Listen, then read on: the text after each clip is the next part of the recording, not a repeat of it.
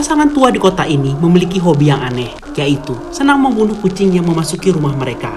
Penghuni lain di kota ini tidak ada yang berani melaporkan hal tersebut, namun mereka menjaga kucing mereka jauh-jauh dari rumah pasangan tua itu. Suatu malam, beberapa pendatang melewati kota ini dan di antara mereka adalah seorang anak yatim piatu yang tidak memiliki siapa pun selain anak kucing. Kucing anak itu hilang setelah beberapa hari dan dia tahu tentang cerita pasangan tua itu. Anak lelaki itu sangat bersedih dan mengeluarkan doa yang memengaruhi langit dan pergerakan awan. Para pendatang kemudian meninggalkan kota ini dan orang-orang memperhatikan bahwa semua kucing mereka hilang. Orang-orang khawatir tetapi tidak tahu tentang keberadaan kucing mereka. Kucing-kucing kembali pada hari berikutnya dan tampak kenyang, tetapi pasangan tua itu telah menghilang. Ketika orang-orang berkunjung ke rumah pasangan tua itu, mereka menemukan kerangka dua manusia yang hanya tinggal tulang belulang.